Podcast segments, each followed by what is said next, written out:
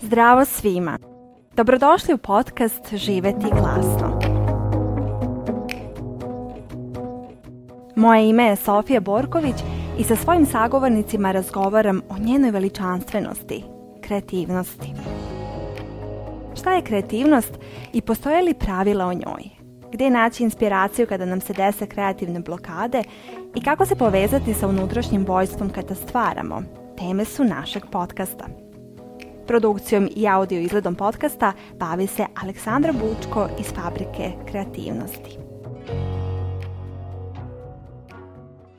Zašto blokirana kreativnost može da nam nanese duševne, psihičke i fizičke teskobe? Šta je zapravo depresija? I kako da od svog života napravimo raj, govorila nam je doktorka Nada Marković, koja kroz svoj rad spaja autentičnost, klasičnu medicinu, ali i energetsku psihologiju. Današnji razgovor sa doktorkom Nadom Marković i njena lična priča pomogli su mi u razumevanju snage kreativnog izražaja, što će verujem i vama biti od velikog značaja. Uživajte u razgovoru sa doktorkom Nadom Marković i javite nam svoje utiske. Kako ste danas? Danas sam, ja kažem, prilično dobro. Super sam u stvari. Radujem se što ću s tom da podelim sve ovo i hvala ti mnogo na pozivu i hvala ti na pitanjima koja su me baš čačnula onako najdublje, da se prisetim ja nekih svojih dilema, boli, celog puta i da to i sad raščivijam i s tobom i sa svima nama i vama, jer sigurno će koristiti svima. I zapravo ta blokirana kreativnost, ja bih rekla da je jedan od razloga što sam ja krenula ovim putem, to jest ostavila po strani neku klasičnu zapadnu medicinu i počela da se bavim ovim malo alternativnim -hmm. pozivom i nekom vrstom umetnosti, sad taj pojam umetnosti, umetnika, ajde da kažemo, kreacije. Mislim, kreacije sobstvenog života. Jer, jer zapravo svi mi moramo da budemo kreatori neke svoje istine i sobstvenog života i to je zapravo ta kreativnost. To je naš prvi kreativni da, čin. Da, i zaista hvala ti, hvala ti na pozivu, hvala ti što si prepoznala i hvala ti na, na ovom odgojenom vremenu. Da. Ja se jako radujem. I moje prvo pitanje bi bilo kada ste prestali da pevate, a kada ste ponovo počeli da pevate? I šta se desilo između? Da, šta se desilo između, da. Moram da ti kažem, juče kada sam videla -hmm. pitanja. Prvo pitanje je to kad sam videla krenule su mi suze u trenutku, to je kada sam ja prestala da pevam i zašto sam prestala da pevam, mm -hmm. to je veliko pitanje. I kada sam ponovo i zašto sam nastavila da pevam. Nekako kad se prisetim šta sam najviše volala da radim kad sam bila mala, to je nekako prvo pitanje ja kad radim sa klijentima, ja ih pitam šta ste najviše volali da radite kad ste bili mali, u čemu ste uživali. To je bilo pevanje pevanje, plesanje, mislim ja sam non stop pevala i kada sam počela da pevam čini mi se da sam prvo propevala pa sam onda progovorila. Tako da sam zapravo pevala od kad znam za sebe i tako bila jedno veselo, lepršavo dete koje je onako jedva nogama dodirivalo zemlju. Dok sam hodala, ja sam skakutala, nisam hodala. I imam te najranije snimke kad sam bila mala, gde, gde isto non stop pevam, gde se traži od mene da pevam i gde imam publiku i tako to i stvarno sam uživala u tome. I deca su u stvari najiskrenija bića, ona tačno znaju šta treba da rade, one imaju svoju istinu. Nekako su potpuno svesni. I onda u jednom trenutku neki presek je došao kada sam ja krenula u školu. Taj, sećam se, prvi dan u školi, nekako i cela ta atmosfera je za mene onako bila malo, da kažem, stresna, nesakidašnja, tu su u meni proradili neki strahovi koje sad sa ove tačke gledišta tačno znam i zašto i kako su proradili i čini mi se da prema ovome što ja radim, svi se mi rodimo sa nekim energetskim nasledđem u svom telu i onda se to nasledđe naše samo projektuje u našoj realnosti i prosto nas tera da promenimo te neke stvari u nama. Tako sam ja ušla u taj sistem I osjetila sam onako blagi strah, čak nisam htela da idem u školu, vraćala sam se iz škole. Je za mene nekako bilo možda previše rigidno i tako, bila su tu i ogromne očekivanja i razne stvari. I nisam htela da idem u školu, vraćala sam se plačući svaki dan, dok me jednom učiteljica nije postavila ispred sebe i rekla Nado, ti ne možeš više ovako, ti moraš da se uozbiljiš i ti moraš da slušaš svoje roditelje. I nekako, pošto sam bila onako hipersenzibilno dete i sad sam i hipersenzibilni odrasli, nekako u želji da ugodim i učiteljici i odraslima, a bio je vrlo jak u meni strah, tad nisam znala, ali sad znam, strah od odbačenosti, strah od gubitka ljubavi, roditelja pre svega, što je za jedno dete u stvari ravno smrti, jer dete malo kad se rodi, ono traži samo majčin zagrljaj, traži da ga majka privije uz grudi i to je taj neki osjećaj pripadnosti na osnovu kog dete zapravo živi. Mislim, hrana je bitna, vazduh je bitan, ali bez tog osjećaja, ako dete ostavite bez zagrljaja, ono će umreti, tako da je taj strah ravan strah od smrti. I ja sam se tu prilično ozbiljala, što se može vidjeti na fotografijama iz osnovne škole gde ja ovako vučem obrazu i namraštim se da bi bila ozbiljna. Tako da sam ja tu stvari potpuno nekako promenila moj sistem i shvatila sam da nekako moram da se prilagodim, a moje prilagođavanje je podrazumevalo da moram da budem najbolji đak, da izvršavam sve obaveze koje su mi date i da je to neki uslov da ja funkcionišem u sistemu, da budem prihvaćena, da vodim jedan normalan život, što bi rekla. I pevala sam ja i dalje, ne mogu da kažem, ali to je otišlo sasvim u drugi plan. I pevala sam ja u horovima i bila sam solista i čak e, taj prelomni trenutak u stvari, što se mi pitala kad sam prestala da pevam, to jeste taj polazak u školu i taj sistem, a onda bio je jedan festival u Loznici koji se organizovao deči, to je festival zvao se Deca pevaju hitove. Mm -hmm. U to vreme je to stvarno bilo fantastično organizovano, čak su gosti na festivalu bili Kemal Montene Duško Trifunović. Ja sam se prijavila za taj festival i prošla sam audiciju i, i učestvovala sam i to je sve bilo super, ali osjećala sam da pred izlazak na binu ili na audiciji ili da imam ogroman strah koji nisam imala kad sam bila mala da pevam. Radila sam to sasvim slobodno i spontano. I sad iz ove perspektive, sad to je bio stravičan, preplavljujući strah koji sam ja nekako hendlovala, ali zapravo sad kad vratim film, to je bio taj strah, strah od oslobađanja. Potpuni strah od oslobađanja, jer ako se ja oslobodim i krenem tim putem, ostaću potpuno sama, bit ću napuštena. I, mislim, to ću sigurno ponavljati više puta, ali to je nekako ključno. Tad zaista nisam bila svesna toga i prošao je taj festival, bilo je sve predivno i sledeće godine je drugi put bio taj festival i ja sam se dugo spremala, jako dugo i pošto je to bilo u drugom gradu, gradu u kom sam ja živela, Tata me je naravno vozio, pošto sam bila mlađa. Bila sam još šesti, sedmi razred. I mi smo zakasnili na tu audiciju iz nekog tatinog razloga koji je bio potpuno absurdan, ali ja sam ušla u muzičku školu i videla sam čistačica čist i završena audicija i to je za mene, u tom trenutku, to je za mene bio pravi šok. To je bio šok neverica, osjećaj nepravde, gde sam ja imala utisak htela sam da vrištim u tom trenutku, osetila sam se potpuno onako bespomoćno, znači sve je gotovo, ja ne mogu ništa da uradim, a nisam dovoljno velika da sam mogla to sve sama da organizujem i da završim. Pri tome, sve te emocije koje su me ophrvale u tom trenutku nisam mogla da izrazim na pravi način, jer to nekako nije bilo odobreno od strane okoline. I tu sam ja nekako sebi objasnila da ja tu ne mogu ništa da uradim.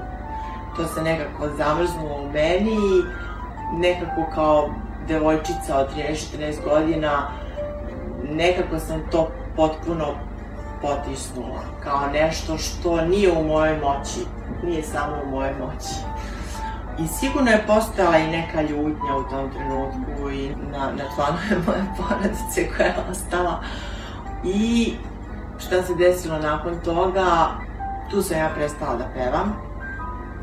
Pevala sam još po horovima i desila se vrlo jedna isto čudna situacija koja isto pokazuje taj strah od oslobađanja te moje autentičnosti, autentičnog glasa, koliko je to bilo jako. Bilo je takmičenje horova u srednjoj školi i pevala sam u četvrtom razredu gimnaziju u horu i bila sam solista baš jedne pesmi i ja sam dan pred odlazak na takmičenje potpuno izgubila glas. Potpuno, ali to nije bila nikakva prehlada, nije bila, nije bila nikakva bolest, nije bio pad imuniteta, to je bila samo blokada. Blok. Ja uopšte nisam mogla da govorim, a kamo da pevam. I baš sam se noćas probudila sa tom mišlju koliko je to bilo jako i koliko sam se ja tresla od straha da to neće biti podržano. Nisam, nisam ja imala strah da to neće biti dovoljno dobro, nego jednostavno to neće biti podržano, da će to biti kraj, da će to biti potpuno... To su nesvesni mehanizmi. To su jako nesvesni mehanizmi koje dete tako usvoji. I to čak roditelji ni ne pokazuju eksplicitno da oni nešto zabranjuju. Ali se ta energija osjeća i osjeća se osjećaju se ta roditeljska očekivanja, tačno se diferenciraju stvari gde ste podržani, a gde niste podržani i onako vam se na finjaka nabacuje da to nije okej okay da, ne da ne može toga da se živi, već se čak u mojoj porodici to smatralo nečim, recimo, ajde da kažem, sramnim. Da budem sasvim iskrena, ono, baviti se nado kad izađeš u grad, ne bi slučajno da bih pevala po kafanama. pa šta fali, to je za moje društvo. Tako da se to smatralo nečim sramnim i to je kao bila neka sramota, i ti si kao tu, mislim da ne upotrebim neke mnogo, mnogo pogrdnije izraze. Jer na kraju cele priče je bilo da sam ja osramotila porodicu mojom slobodom. Mislim, biranje moje slobode, ja sam osramotila porodicu i neke sve tekovine koje su tu postojale. Tako da ovo pričam kao neku moju istinu i moju priču, ali sigurno će se mnogi prepoznati u tome. E sad, toliko je važno da se kaže, zato što su sve naše boljke slične. Yeah. U smislu, one se samo manifestuju drugačije, ali zapravo svi smo mi otišli od sebe da bismo bili u sklopu nečega. Yes. To svako može da kaže. Mm. Za nekoga je to prvi sudar sa tim bila škola, ali za nekoga pre možda preškolsko, za nekoga tek prva audicija. Tako da svima nama se dešavaju zapravo te stvari. I to mogu biti tako sitne stvari, pazite, mislim, trauma, ajde nazovemo traumom to nešto što nas je pogodilo. To za nekoga, kad vam priča, možda vama to može izgledati sasvim bezazvan, ali za tu osobu u tom trenutku, verujte mi, rado sa klijentima, neke najsitnije stvari mogu da postanu, koje su dobili kao feedback od učiteljice, od bilo koga mogu da postanu takve blokade u našem sistemu. Mm -hmm. To je ono sa početka što ste rekli da se mi već rađemo sa određenim nasleđem i da zato vrlo je važno kako s ljudima komuniciramo i da ne kažemo pa dobro šta je to strašno, jer nekome to zaista nije strašno, a nekome jeste upravo zbog tog našeg nasleđa sa kojim smo došli. I bilo mi je vrlo zanimljivo da ste pričali, sam pomislila kako deca tako mala znaju istinu o sebi, ali s druge strane nemaju sposobnosti jer su mali, ne rade, zavise prosto tako od je. starih. Ne mogu da sad kažu, e, ok, ja ću sad do kraja da idem za svojim snom. Yes. I to je vrlo zanimljivo zato što zapravo to može i da nam osvetli priču na mnoge ljude koji se ne bave onim što zaista vole da rade, jer ste u jednom trenutku pomenuli kako mi zapravo shvatamo na mhm. te načine kroz te priče i kako nam govore ljudi u tim situacijama, da nije zapravo sve do nas. Nije. I da nije, se u našoj moći, ali nekako mi se čini da onda postanemo odrasli. Tako je. I više nismo deca, da, da, a i dalje smo deca u životu ne preuzimajući Odgovornost. odgovornost Mhm.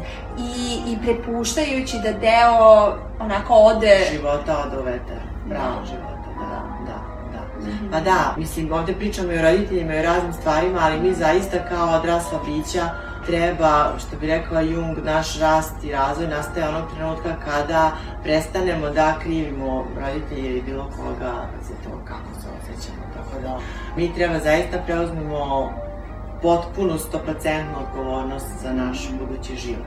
Kako ste došli do toga da opet pevate? Mhm. Jer e, šta se desilo između toga, ok, polako ste odustali, dobili određene zabrane, svesne ili Da, nesvesne, da. energetske. Kako ste došli do toga da se oslobodite Da. toga? Da, pa mislim, eto, ono što sam ja slušala ceo život jeste a to, ver, mislim, verovatno se dešava već. S obzirom na moje kapacitete i moje ocene, ti treba da budeš najbolja, ti treba da budeš bolja od svih, ti možeš, ti. I onda sam ja gurala taj princip i nekako sam se napajala tim nekim zadovoljstvom roditelja i, i njihovim odobravanjem, dok u jednom trenutku zaista bio je 30. mart 2002. godine. Stvarno ja se sad smejem, ali to što nije smešno, dok se nije desio taj sudar svetova u meni. To je sudar svetova. E sad, to je bio samo jedan trenutak dok sam ja učila i već sam terala sebe mnogo, već sam tih zadnjih meseci, jedno, tri, četiri meseca osjećala da sam potpuno iscrpljena i da se nešto čudno dešava u meni, kao da se nešto novo budi što ja ne mogu uopšte da definišem, ali osjećala sam se onako konfuzno, imala sam nesvesticu, nisam mogla da se fokusiram i ja sam nekako prelazila preko svega toga, nisam mogla da objasnim sebi šta je to, onda pošto sam bila jako tvrdoglav, učila sam non stop i u jednom trenutku je samo nastupio sudar tih svetova koji se u sekundi dok sam učila manifestovao kao ogromna anksioznost, generalizovana potpuno i sa paničnim napadima. I to je nešto što nije prestajalo uopšte. Znači, to je, nije ono kao, e, imala sam tad pa me je prošlo. Ne. To je trajalo i trajalo i trajalo. I sad, to kad se desilo, ja nisam znala šta mi se desilo. Ja sam mislila da sam poludela, naravno. I nekako sam to nosila do nekog sledećeg sloma kad više to nisam mogla, prosto više nisam mogla ni da učim, nisam mogla ništa i nisam znala šta mi se dešava, javila sam se tad kod profesora medijskog fakulteta, uglednog psihijatra, ali i mnogo sam ja tih terapeuta prošla, ali moram da kažem da mi niko nije rekao to ono što sada znam, a to je znanje koje su mi dale ove Bachova cvetna terapija, energetska psihologija, da je to u stvari u tom trenutku bilo buđenje kundalinija buđenje moje životne energije. I ta životna energija više nije mogla da čami čekajući da ja dam oduška, već je ona jednostavno krenula iz da se diže iz prvog energetskog centra. Naši energetski centri su ovde u telu, pošto sam ja bila blokirana gotovo na svim nivoima, jer to su kao ventili.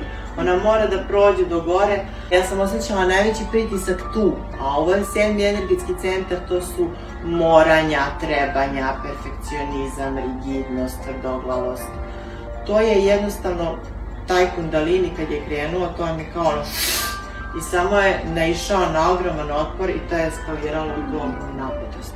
I sad, tokom svih tih godina, ja sam tad naravno u tom trenutku dobila sam i lekove, antidepresive, ali moram da kažem da sad sa ove tačke gledišta, oni su okej okay u trenutku da vam smanje patnju, jer patnja je ogromna, vi ne možete da funkcionišete sa tolikom količinom napetosti.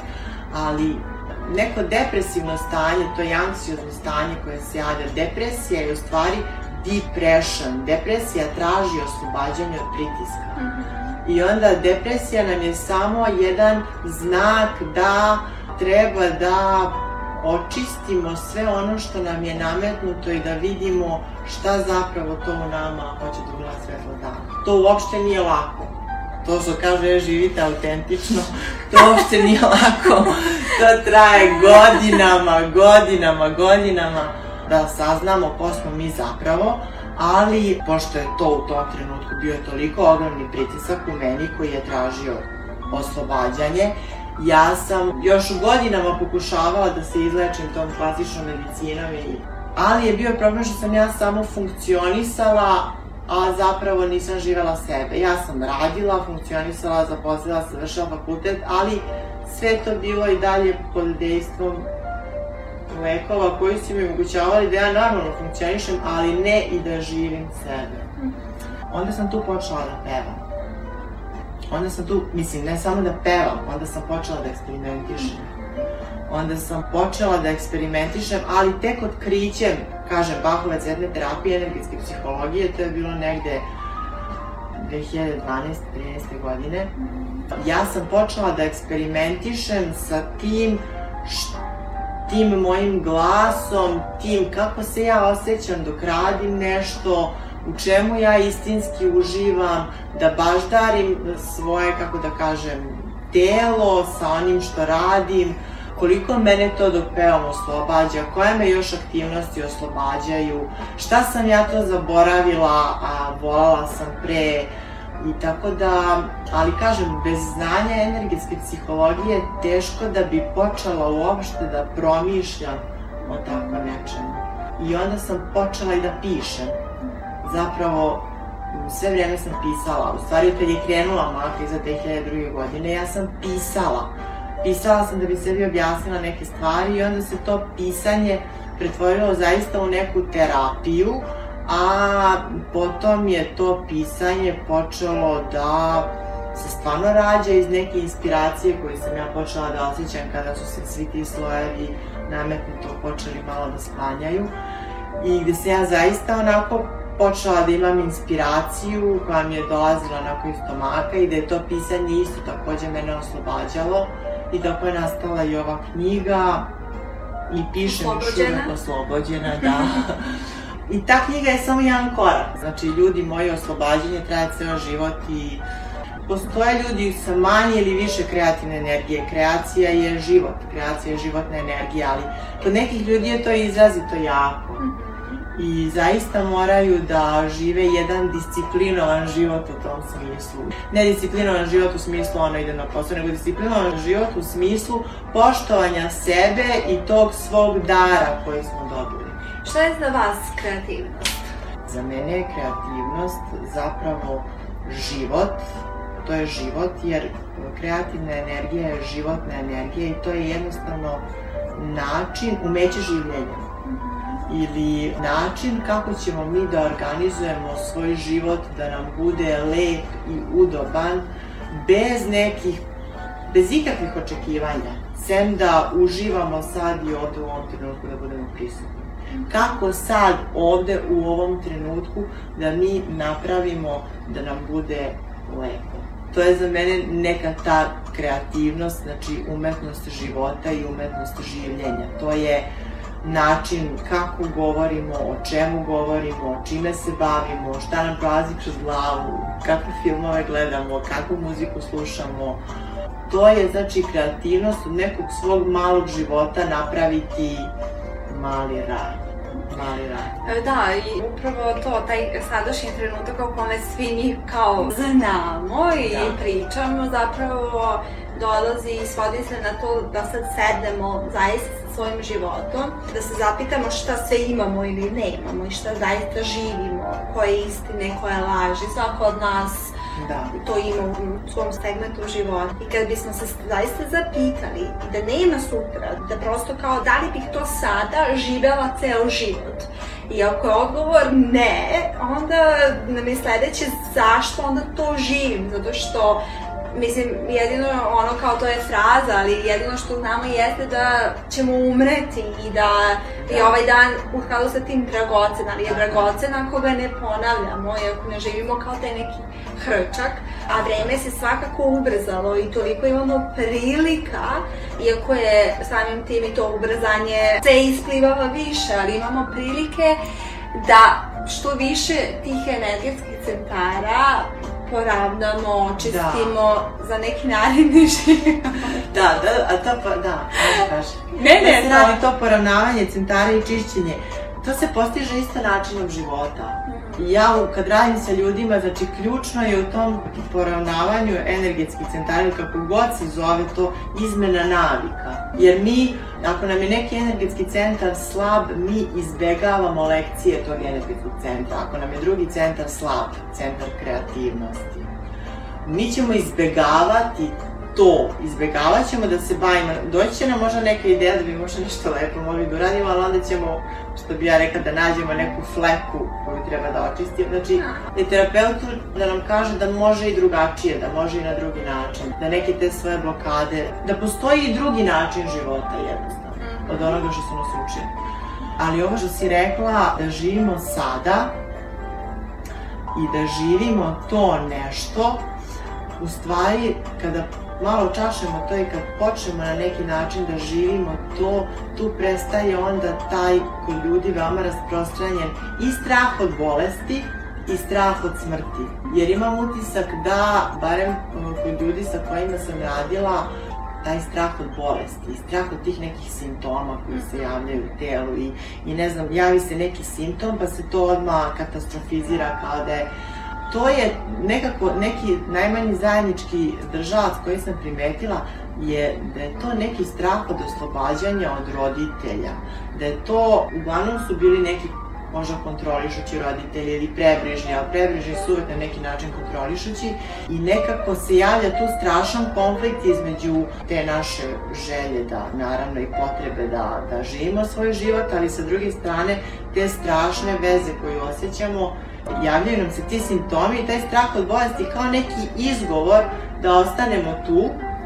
To je jako nesvesno i to je, do toga je jako teško doći, ali tu prestaje, kada počnemo da se bavimo onim što volimo, tu prestaje strah od smrti, zato što je ta sila stvaranja i ta lepota toliko jaka i zato što nas to toliko vuče i zato što se tad luče toliko divnih hormoni da mi zapravo nemamo straha i nemamo vremena da se bavimo.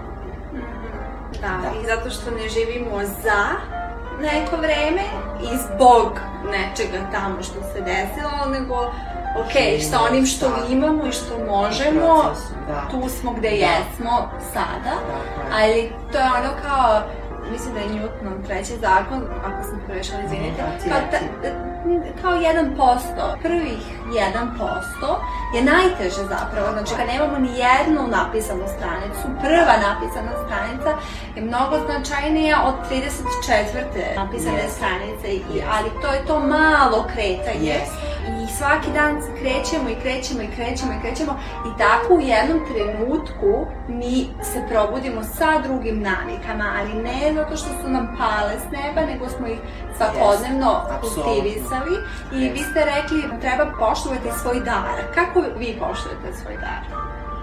Ja poštujem svoj dar tako što stvarno svesno gledam da ga na svakodnevnom nivou ne zanemarim, to jest da odvojim vreme za ono što volim da radim. Ali nekad, znate i sami dođu dani kad nam nije ni do čega ili kad nemamo inspiraciju ili kad ali zaista pokušavam da ispoštujem kad mi dođe bilo kakva inspiracija da to, ne znam, odmah stavim na papir ili odmah kažem ako snimim video ili otpevam ili što god, ali zaista treba negovati taj dar. Ja, mislim, isto radim mnogo sa ljudima na tom delu tog dara i ljudi koji prelepo slikaju, ja ih pitam, ali slikate? Onako, ali slikate svaki dan? Pa, negde sam osklonila štafela pa stavite ga na sred stana, neće nikome smetati. Stavite ga i sejite tu i to će da ulepšava taj prostor sigurno. I uzmite i slikajte. Jer vam je to najvažniji deo u stanu. To će da vam unosi radost i to će skroz da vam promeni energiju. Tako i sa decom, mi zaista ja sam roditelj, treba deci da dajemo primer u tom smislu, da imaju izbor, da ih podržavamo kada primetimo da su za nešto zainteresovani, da im tako pokažemo tim našim ponašanjem da je to moguće i da tako treba. Tako da svaki dan treba nekako odvojiti prostor, ako ništa Pa barem za tu jednu prisutnost, za tišinu i za to da nam dođe inspiracija. A šta vi radite kada vam se dese kreativne blokade? Ili zbog blokade, onako, da, da ne možete? Da. Kada mi se dese kreativne blokade, pre sam se nekako opterećivala time kao nemam inspiraciju, nemam inspiraciju, a sad nekako mi je bilo došlo kao, ja nikada više neću imati inspiraciju, čak sam napisala jedan članak samo da ne izgubim inspiraciju. Mm -hmm. Znači sve mogu da izgubim, znanje, sve, ali inspiraciju nikako, jer to je nešto što nosi. Kako, kad mi nastupi blokada, to može da traje, može da traje danima, može da traje nedeljama, može da traje mesecima, to je sasvim normalno. I tu treba, ne treba se mnogo optrećivati, tu treba sebe pustiti, ali u svakom slučaju, što ja kažem, treba pobeći u šumu. Mislim, treba nekako se malo izmestiti, treba pobeći u prirodu, malo sesti, uzemljiti se, biti u tišini, odvojiti se od elektronskih uređaja, televizora, telefona, jer sve to stimulacija, mi nismo svesni koliko na dnevnom nivou imamo raznih stimulacija, počeo od kasirke, u, u, u, mislim, sa kim god pričamo, to je energija koja utiče na nas, Tako da moramo voditi računa o tim stimulacijama na svakodnevnom nivou, s kim se družimo, sa kim pričamo, o čemu pričamo i davati sebi tu tišinu, baš tišinu, onako sedeti i možda gledati u jednu tačku, meni tako dolazi inspiracija, se srediti se na srce ili stomak. I kažem, bez neke mnogo stimulacije. I ako treba da bude neka stimulacija, to treba da budu neki inspirativni i podržavajući ljudi koji mogu da vam upale taj plamen. Ili opet prevaždilaženje kreativnih blokada, osim toga je poseta nekim mestima koje mogu nešto da upale da li je to neko drugo mesto, da li je to neka druga zemlja, to ne mora bude ništa daleko, da li je to poseta nekoj galeriji, da li je to gledanje neke dokumentarne emisije koja može da, prosto neke stvari od kojih se vi osjećate lepo.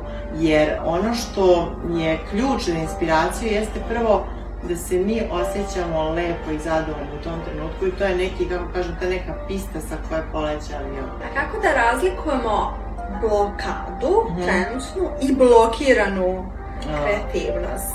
Da, da, da. Blokirana kreativnost može da se kaže i u mom slučaju i u slučaju rada sa ljudima, jer zaista nekako ono slično sa sličnom raduje kad mi dolaze takvi ljudi. Mhm. Blokirana kreativnost zaista može da da ozbiljne e, emocionalne, mentalne, pa u dužem i fizičke simptome. Mm -hmm. To vam govori moj primer gde je bilo sve užasno dramatično i trajalo je godinama. Mogu da kažem i na primjeru ljudi sa kojima radim da se to zaista pokazuje ukoliko dugotrajno ignorišemo sebe, ako baš dugotrajno ignorišemo sebe, da se to zaista javlja u vidu jednog osjećaja umora neverovatnog, apatije, nedostatka životne radosti, onda suvoće, mi osjećamo jednostavno suva su nam usta, nekako se osjećamo suvo, suva nam je koža, onda se javlja neki osjećaj razočarenja životom, onako zlojeđenosti, besa, nekog hroničnog onako ždroncanja. Javlja se takođe napetost manje ili više u zavisnosti, mislim, od konstitucije svakog od nas. Ovaj, tako da ta blokirana kreativnost zaista u dugotrajnom može da da ozbiljne fizičke simptome i čak u krajnjem da dovede do neke mentalne i fizičke bolesti, ali to je zaista onaj krajnji stadijum, ne savjetujem nikako da dođemo do toga i da zanemarujemo sve to između što nam se dešava. Koji su još simptomi blokirane kreativnosti? Pa nekako nemamo volju za životom, depresivni smo, tako, tesna nam je koža, imamo potrebu nešto, ali ne znamo šta, dosada, melanholija i tako. I ako, na primjer, odemo kod lekara sa tako nekim simptomima, mm -hmm. mislim, najčešće odemo kada nam se nešto pojavi na telu mm -hmm. ili desi neka konkretna stvar, ali prosto možemo se nekad i javiti sa tako nekim osjećaje. Tako je. I, I sad, pošto ima sad, naravno, medicina kao nauka, ima tu i raznih lekara i naučnika, gde se tu spajaju ta medicina i umetnost, -hmm. A gde se razdvajaju, jer sad ne znam, svako od nas ima razna neka iskustva da su uh, lekari znali prosto da kažu ok, malo prošetaj, mm -hmm. ali s druge strane ima i onih lekara koji smatraju da su lekovi najvažniji da. i najbolji. Kao kako da znamo da li nam je zaista potrebna da, šuma da ili, znamo, da, da, da. ili nam je ipak potrebno nešto, da. neka terapija da. i tako da. da. Da, da, okej. Okay. Šuma nam je potrebna kada, da, šuma nam je potrebna, potrebna nam je kada imamo tu neku blokadicu. Dobro, kad je na putu, tako a kad nije na da, život. Okay. Tako je. Ovako kada imamo ozbiljnu blokadu, pa prvo, da vam kažem, ti kažem se i, i svima, prvo treba, mislim, čovek oseti da nešto nije u redu. Jednostavno da ne živi nekako sad, da kažem svoju istinu, ali da se nešto dešava. Da I obično ide e, taj, ta rečenica, ne znam šta je, živim sve je okej, okay, imam super posao, imam sve, sve super, ali, ali osjećam se užasno. da, osjećam se užasno, da. I kao sve sam dobro uradio, sve sam štiklirao, ali ono, nešto mi je u redu. Ovaj, uh, I sad, opet, iz iskustva, ako si, trebalo bi javiti se na terapiju. E sad, pitala si me gde, e, medicina, umetnost, gde se spajaju, a gde se razdvajaju. Mislim, lekar, psihijatar, ako se konkretno bavimo o psihijatrima, zaista treba da bude jedan i da ima širok opus nekako shvatanja života i svega i ono što je psihijatar, zatim idemo na psihoterapiju, psihoterapeute ili ovo čime se ja konkretno bavim, što god da izaberete, vrlo je bitno da se prepozna to, a ne prepoznaje se. Da se da dijagnoza i sad tu se napiše, ne znam, anksioznost, mm -hmm. ili se napiše generalizovani anksiozni poremećaj, ili se napiše anksiozno depresivni poremećaj, ili se napiše depresivno stanje, ili depresija, ili šta god da ne nabrajam sad sve te diagnoze, ali sve te diagnoze, ok, one su tu i one, ali na neki način nas etiketiraju, aha, ti si anksiozan, ti si depresivan, ti si ovakav, ti si onakav, ne umanjujući značaj, ni ti veličinu svega toga, naravno postoje neke ozbiljne kliničke diagnoze od kojih ne treba bežati, niti ni podaštavati, ali u ovom slučaju nekako ti simptomi anksioznosti uvek kada imamo nešto što je jako potisnuto, što ne smemo da pokažemo ili čega nismo svesni, što se plašimo da pokažemo. I sad to je sve lako kad ja pričam, ali doći do toga je jedan proces. Depresija, kao što sam rekla, slično, depression, znači svašta je nešto potisnuto u nama, ljutnja, nezadovoljstva, svi ovi simptomi koje sam spomenula. I onda to neko treba da prepozna mnogo dublje od sušte dijagnoze nekog spoljnog stanja i ono što se prikazuje s polja. Tako da nekako, kako bih rekla, ne treba tu biti površan, treba uvek imati na umu ovako neke stvari, jer iz mog ličnog iskustva rada sa sobom, kod mene to niko nije prepoznao. Mhm. Znači, deset godina sam radila, išla na terapiju, išla sam na terapiju da bi na neki način preživela, ali nisam živela. I niko nije prepoznao to da je to jedan sudar svetova očekivanih i, i autentičnih. Tako da, stvarno nekako pozivam da se svi jako okrenemo pitanju smisla života, i pitanju te e, kreativnosti, jer e, odsustvo smisla i odsustvo kreativnosti zaista rađa neurotske poremećaje pomenuli ste Bachove kapi, da su vam one i ceo taj homeopatski pristup mm -hmm. alternativan u odnosu na zapad, jer mi mm -hmm. uvek gledamo nešto u odnosu, zapravo je to takođe... Pa da, prožen. Da, da, mislim, mi smo prosto rođeni tu gde jesmo, Yes. ali smo pod uticajem svega što se dešava i Da. mislim da nam to sad postaje jasno da, pošto smo samo u nekom gradu u Srbiji, nije samo da taj grad utiče na nas, već sve što se dešava u svetu. Kako bakove kapi, pošto sad bakove kapi mogu da se kupe kao, to sam videla, Mhm. Kao evo malo za srećicu, malo Mhm. za ovo, malo za ono. Mhm. Mislim, šta vi mislite o tome? Da li su one tako bezazlene u smislu kao malo stavim kapi ili je to isto beg od suočavanja? Da. Bahova terapija, da, to jesu kapi koje se dobijaju na kraju jednog razgovora koji traje sat ili sat i po vremena, ali ono što je ključno za Bahovu terapiju jeste taj razgovor, jeste to osvešćivanje. Neosvešćenom čoveku možemo dati kapi, to jest mi pravu kombinaciju bakovih kapi i tih cvetnih esencija individualno treba meni ili koja treba tebi u tom trenutku, mi to određujemo na osnovu jednog razgovora vođenog koji traje, kažem, sat ili sat i po vremena. Neka individualna kombinacija. Svi ti komercijalni preparati su nešto što se uzme što može na neko da smanji, umanji simptome, ali suštinski mi nismo osvestili ono što je problem i što je dovelo do problema. Tako da sama terapija u stvari posmatra čoveka kao glavicu luka, gde ono upravo što sam ja pričala, čovek dolazi sa simptomima koji se vide s polja a to su ovi svi simptomi koje sam nabrojala i onda mi određujemo tu kombinaciju za te simptome s polja i ako je to prava, adekvatna kombinacija, skida se taj jedan sloj i idemo sve dublje i dublje dok ne dođemo do, do centra te lukovice, samog uzroka tog problema.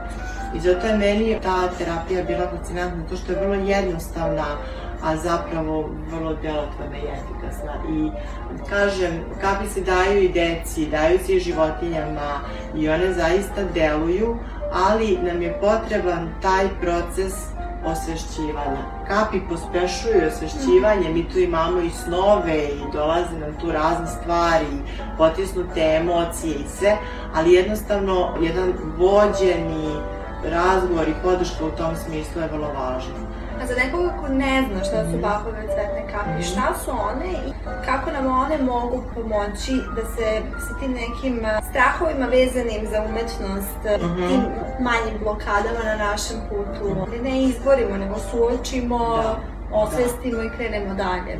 Kapi, to je jedan set od 38 cvetnih esencija koje je patentirao dr. Edward Bach pre nekih 80 godina. On je bio internista, radio je s ljudima i shvatio je da ljudi koji imaju neke slične simptome bolesti, imaju slične emocionalna stanja i prosto čovjek je shvatio da sam je oboleo teško i otišao je u prirodu i posmatrao je biljke kako se one prilagođavaju na najrazličitije uslove života i pokušao je da napravi analogiju tu između načina prilagođavanja biljaka sa ljudima i da ne dužim sad mnogo, on je tu patentirao jedan jednostavan set od 38 esencija, ali svaka ta esencija je jedna osoba, svaka ta esencija je jedan tip ličnosti ili jedno raspoloženje ili jedna emocija. I mi zapravo tom terapijom ne pravimo nikakvo čudo jer one deluju na vibratornom nivou. I ako jednu ćeliju zamislimo kao klackalicu, ta klackalica malo izađe iz ravnoteže, recimo iz ljubavi u mržnju i damo ne, recimo esenciju holi koja nam služi da se vratimo u tu ravnotežu. I, tako da kako one mogu da pospeše našu kreativnost? Pa postoje preparati za najrazličitija stanja. Znači, postoji sedam grupa preparata, neki su za strah, najrazličitije vrste strahova, neki su za tugu, za očaj, za osjećaj usamljenosti, neki su za pospešivanje prisutnosti sada i ovde, prosto da se otrgnemo od prošlosti, od budućnosti, da se oslobodimo briga. Neki su za tipove ličnosti, gde je dr. Bach toliko lepo opisao tačno paletu tipova ličnosti i predvideo je načine njihovog emocionalnog reagovanja. Tako da čak i postoji jedna fenomenalna esencija upravo za ono možda o čemu sad govorim, a to je Wild Oat se zove ili divlja zob. To je za ljude koji imaju mnogo talenata i svesni su nekako toga, ali nikako ne mogu da se odluče šta je to, kako to da krenu, kako to da organizuju, kako da im u vremenu, prostoru. Tako da je ta esencija onako uvek kada osjećamo tu neku to nešto što izvire iz nas, ali ne znamo tačno šta je, kao ptica koja leti iznad ogromnog grada i vidi celu panoramu, a treba da, da sledi. Tako da, esencije, postoje esencije za oslobađanje od osjećanja krivice. To je sve sad ovako površno kad ja pričam jer govorim u globalu, ali one mogu da utiču i na naše samopouzdanje i da nam daju osjećaj moći da mi možemo da uđemo u to, za obeshrabrenost, za samosabotažu, za tako, za zatvorenost, za najrazličitije stvari, tako da zaista za svaku neku blokadu pod znacima navoda možemo da nađemo određenu esenciju. Hvala puno na tome.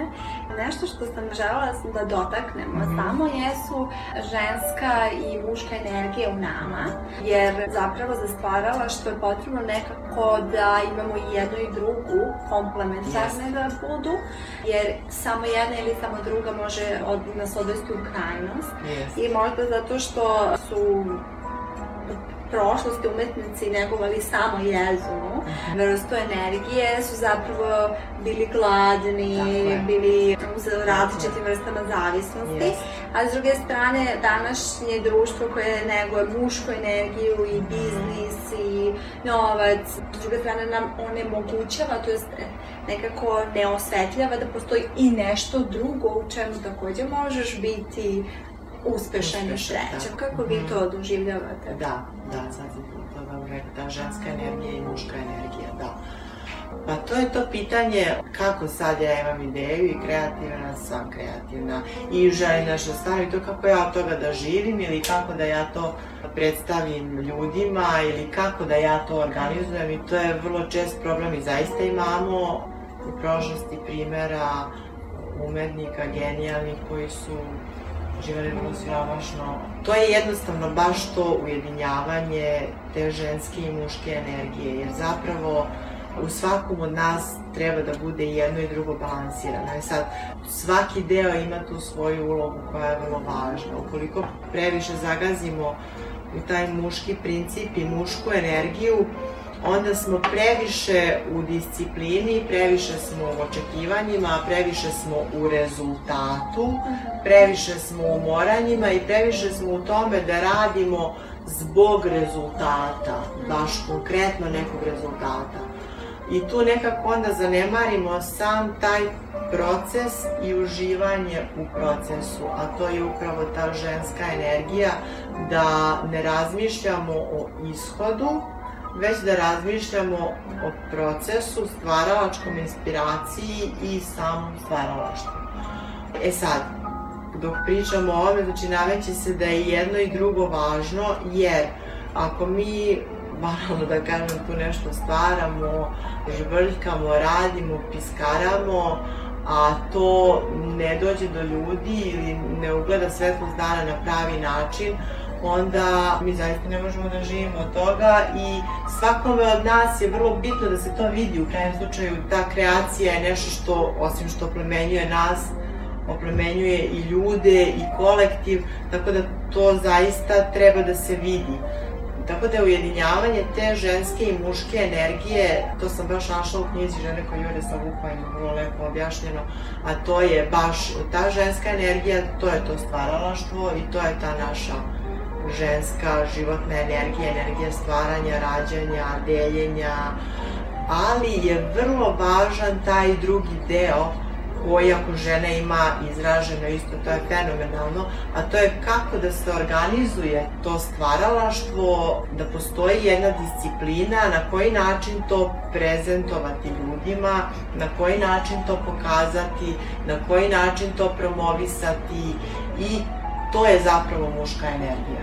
To je zapravo taj muški princip i tu zapravo treba da budemo okrenuti nekim rezultatima, ali to su neki ciljevi onako na duže vreme koji ne treba da nas sputavaju u tom stvaralačkom procesu, da nam stvaraju pritisak, ali jednostavno su važni da bi, da bi se to materializovalo Mi moramo da imamo ipak nešto organizovano u vremenu.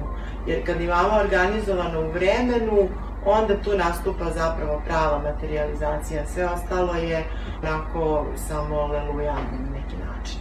Tako da postoje žene koje su jako kreativne, a koje ne znaju kako.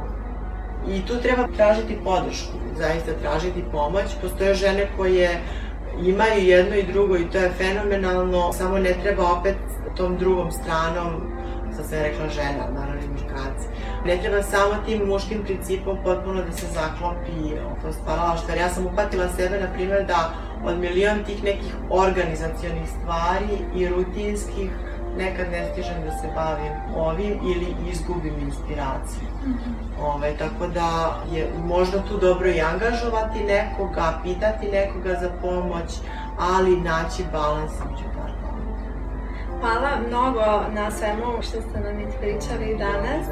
I jedno pitanje za kraj je da imate jedan dar koji biste mogli da podelite sa celim svetom, mm -hmm. tako da ga preuzmu, koji bi to dar bio? Uh. Taj dar, mislim, osim ovoga što radim i što mislim da da je neka moja životna svrha, ali svrhe se isto menjaju mm -hmm. u tokom života to je neko prenošenje nečega glasom i to, mislim, zaista radim rad sa klijentima i pisanjem i videima i tako na razne načine, ali ono što mi je sad došlo, osim toga, jeste jedna božanstvena pesma. Jedna božanstvena pesma, neka znam ja otprilike kako bi to trebalo da izgleda, koja bi mogla da prosto nekako koja je meni neki najbolji način povezivanja sa sobom i sa drugima i prenošenja svih tih emocija i svega što postoji, to je kroz tu pesmu i kroz tu jednu pesmu. Dobro, božanstvenu pesmu, ja je zovem božanstvenu, gde nekako krene taj glas koji je tako oblen emocijama. Hvala što ste poslušali ovu epizodu podcasta Živeti glasno. Nadamo se da ste za nijansu više ohrabreni, ispunjeni ili inspirisani. Do naredne epizode želim vam mnoga lepa i kreativna ostvarenja. Pozdrav!